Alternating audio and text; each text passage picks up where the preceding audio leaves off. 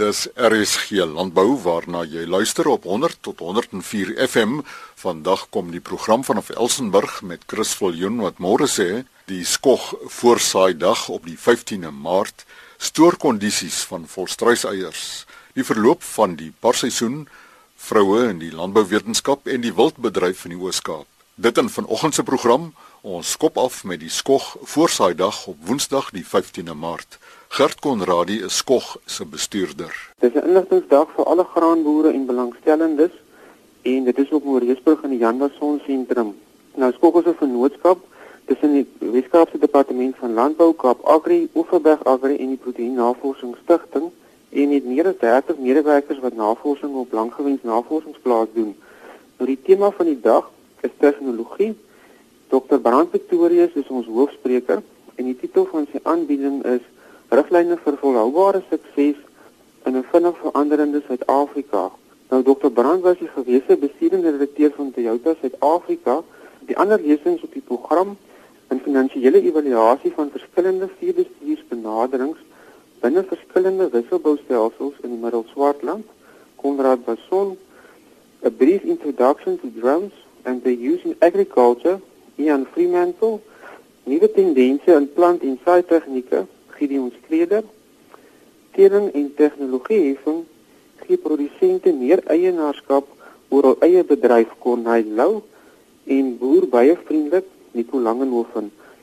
Nou registrasie is gratis en dit begin om 8:00 en die verrigtinge duur tot middagete. Indien enige persoon meer inligting benodig, kan hulle my kontak op my selfoonnommer 074 603 7240. Die bestuurder van Skog, Gert Konradi, sy telefoonnommer 074 603 7240. Dr. Zanel Brandt, navorser wetenskaplike op die Oudtshoorn Navorsingsplaas gesels nou oor stoorkondisies van volstruiseiers. As ons kyk na stoor van volstruiseiers, moet stoorkondisies ook in ag geneem word. Broeierye ontvang eiers van verskillende produsente wat op hulle beurt die volstruiseiers onder verskillende omstandighede stoor. Daar is tans twee basiese maniere in die bedryf waarop eiers gestoor word voordat na die broeiery gaan, naamlik in 'n koelkamer onder gekontroleerde toestande met 'n temperatuur van tussen 17 en 20 grade Celsius en 'n relatiewe humiditeit van 75%. Tweedens is dan ongekontroleerde toestande in 'n koel donker stoorkamer sonder omgewingsbeheer. In ongekontroleerde stoorkamers kan temperature oor 'n broeiseisoen wissel van 17 tot 30 grade Celsius. Studies het bevind dat eiers wat in 'n koelkamer gestoor word tot 20% minder embrionale mortaliteit het teenoor eiers wat in ongekontroleerde stoorkamers gehou word. Indien volstruis eiers tussen 17 en 20 grade gestoor word, stop die ontwikkeling van die blastoderm en die ontwikkeling begin slegs weer as die eier in die broeikas geplaas word.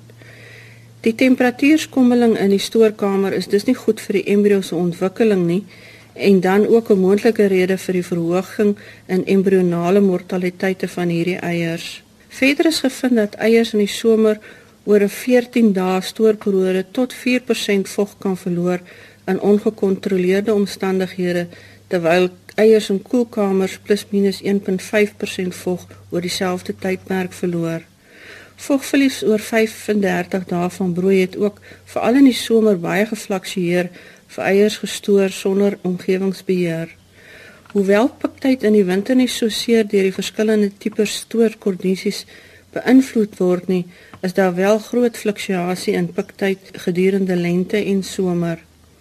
In die somer kan kykens wat uitbroei van eiers wat in 'n stoorkamer gestoor was tot 100 gram ligter wees as kykens vanuit eiers wat in 'n koelkamer gestoor was. Hierdie skommeling in beide piktyd en kykengewig beïnvloed die beplanning en die bestuur binne broeierye. Die aanbeveling is dus om sover moontlik eiers onder gekontroleerde omstandighede in 'n koelkamer te stoor vir verbeterde uitbroei resultate. Dr. Zanel Brandt is 'n navorser wetenskaplike op die Oudtshoorn Navorsingsplaas. Oor die huidige verloop van vanjaar se druiweoes verneem ons by Hanno van Skalkwyk, Winpro se wingerdkundige vir die Parel Swartland streek. Paartyd 2017 is in volle swang en na beraming is daar reeds sowat 20% van die oes ingesamel. Die oes het verjaar bietjie stadiger begin as gevolg van die lekker koel nattemperature en die druiwe lyk op hierdie stadium baie goed en baie goeie wynkwaliteit word verwag. Uh druiwe wat nou inkom is hoofsaaklik Chenin Blanc, Sauvignon Blanc en Pinotage. Volgens ons skatting is verjaar se oes bietjie kleiner as die sowat 1.4 miljoen ton wat 2016 opgelewer het. Tot dusver speel die weer saam in paarstyd en nagte is koel wat goeie kleur en baie goeie ontledings beteken. Soos elke paartyd is daar maar uitdagings en verjaar se droogte, brande en swart ryp vroeër in Rossenwil omgewing sal onthou word as gebeure wat die oes benadeel het. Gelukkig is daar baie positiewe aspekte wat vir jare baie goeie kwaliteit oes kan help oplewer. Korrels is baie klein wat beteken dat geur en kleur gekonsentreerd is.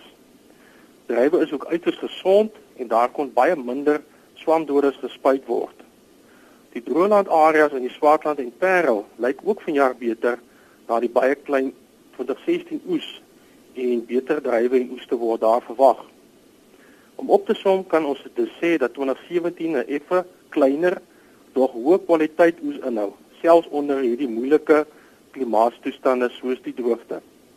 Ons kan regtig dankie sê vir al ons seëninge met hierdie hoë kwaliteit oes. Die wingerdboukundige van Winpro vir die Parel Swartland streek, Hanu van Skalkwyk.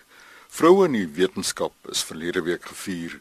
Nou dit is so dat vroue hulle plek in die landbou volstaan en gedurende die afgelope dekade het die voetspoor van die vroue in die landbouwetenskappe merkbaar toegeneem. So sê professor Dani Brink, waarnemende dekaan van die fakulteit Agriwetenskappe aan die Universiteit van Stellenbosch. As ons vandag na ons fakulteit kyk, dan sien ons 43% van ons ingeskrewe voorgraadse studente by Agriwetenskappe is vandag vroulike studente.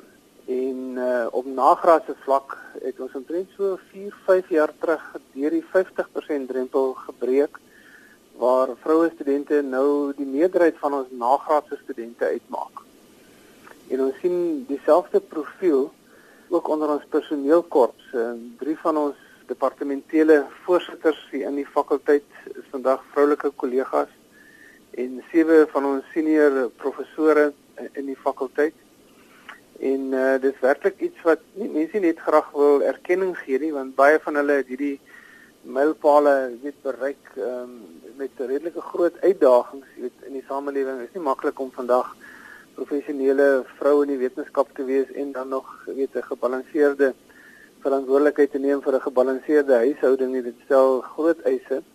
Maar ons is vir ons sien veral weet uit na die na die toekoms van ons vroulike studente en hulle rol Ons sien ook die kwaliteit, die akademiese kwaliteit. Hulle stof op akademiese terrein ook ons manlike studente uit. Ek dink die fokus van die jong manlike studente is nog meer op die toegepaste komponente in, in aard van landbou en, en die, die, die vroulike studente kom regtig uitstekend weet tot hulle reg in die akademie daar. Ons sien ook veral met komponente van laboratorium gesteende navorsing. Ehm um, sien ons dat uh, vroulike studente ongelooflik goed vaar en dit is ook so met loopbane, jy weet, uh, dis nie net alleen dat die studierigting meer belangstelling trek onder ons vroulike navorsers nie, maar ook die suksesvolle ontplooiing en opneem van ons vroulike studente wat afstudeer in die landbou en verwante sektore. Ehm um, tans is die profiel daarvan baie goed. Onthou die die ou uh, departement huishoudkunde wat nou al ongeveer 30 jaar gelede omgeskakel het in die moderne voedselwetenskap wat ons vandag het. Ehm um, en dit was aanvanklik baie gewild onder die dames studente. En uh vandag sien ons 'n algehele verspreiding, sterk profiel by die diereproduksiewetenskappe, 'n groeiende profiel by landbouekonomie en ook in die sagte vrugte, wingerd en wyn en uh die groenteafdelings sien ons sterk toename en natuurlik ook 'n uh, sterk profiel onder die bewaringsekologie en verwante dissiplines. So ek het net gedink as 'n fakulteit wil ons vandag ook graag erkenning gee in die breë in die rol wat vrouens speel in landbou en landbouontwikkeling, maar ook spesifiek uh, verwelkom ons die sterk toetrede wat ons sien van die vrou en die belangrike rol wat die vrou speel um, in landbouwetenskappe. Ons moet baie graag vir ons voornemende studente sê van die tendens en van die loopbaan sukses en loopbaan geleenthede vir die vrou binne landbou en ook erkenning gee aan ons huidige kollegas en studente vir die bydrae wat hulle maak tot die ontwikkeling van die veld. Moet ons dus aflei dat die man gaan binnekort 'n bedreigde spesies wees? Chris, my tong is ver in my kies. Ek dink ons is op die rooi data lys. Ek sien net uit daarna ehm um, die dag as hulle nou regtig begin jag maak op ons, jy weet. Maar uh, nee, ek ek hoor wat jy sê en um, dis beslis nie dat ons in in die uitsterf is nie. Dis ook baie interessant om te sien hoe die die diferensiële rol van uh, die manlike en vroulike studente in in landbouwetenskap daar's 'n sagte tendens te bespeer van die mans wat beslis meer neig na die meer robuuste en toegepaste aard van werk en uh, van ons dames studente wat hulle veral onderskei in die presisie en gevorderde wetenskap komponente daarvan so.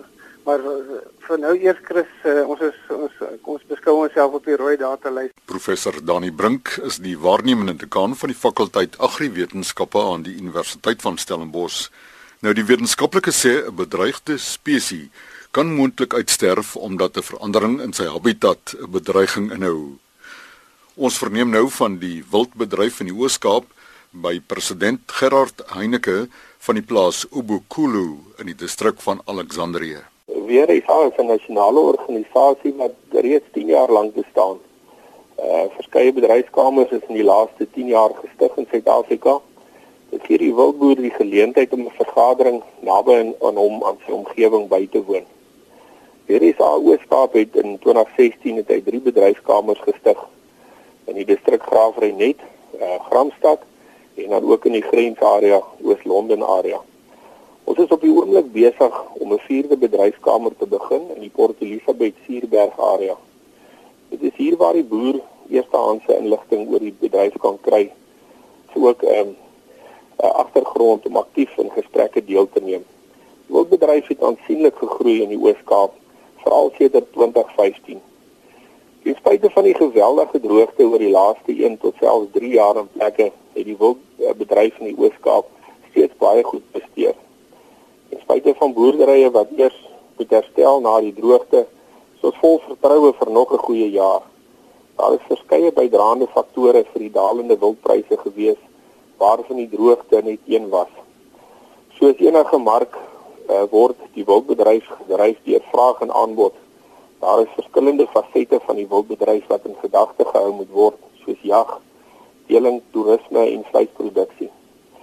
Wildbedryf in die Oos-Kaap kan op vele ander terreine nog ontwikkel.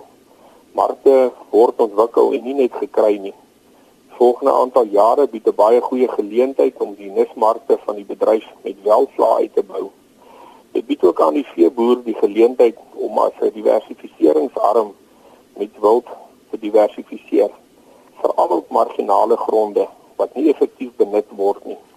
Ten einde suksesvol te diversifiseer, doen ons 'n beroep op ons boere om die wildbedryf van Suid-Afrika as 'n spreekbuis in die Oos-Kaap te ondersteun. Neem deel, wees ingelig en geniet jou pragtige boerdery. Gaan lees gerus ons webblad weerisa-ec.co.za vir meer inligting. Gerard Heineke is die voorsitter van die Oos-Kaapse Wildbedryf. Hy kan geskakel word by Heineke H E Y N E K E by yahoo.com. Ons het nou by Gerard verneem van die posisie van die wildbedryf in sy provinsie.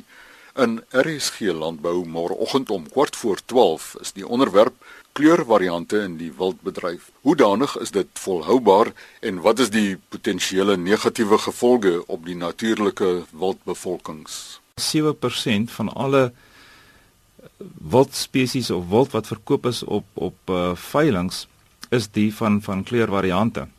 Maar ons sien ook die afgelope paar jaar dat uh, desondanks die geweldige uitbreiding in getalle van van kleurvariante het daai uitbreiding, daai groei begin afneem. en daarmee saam met die die geweldige hoë pryse van 'n paar jaar gelede volgens my data tussen 30 en 80% geval in 2016.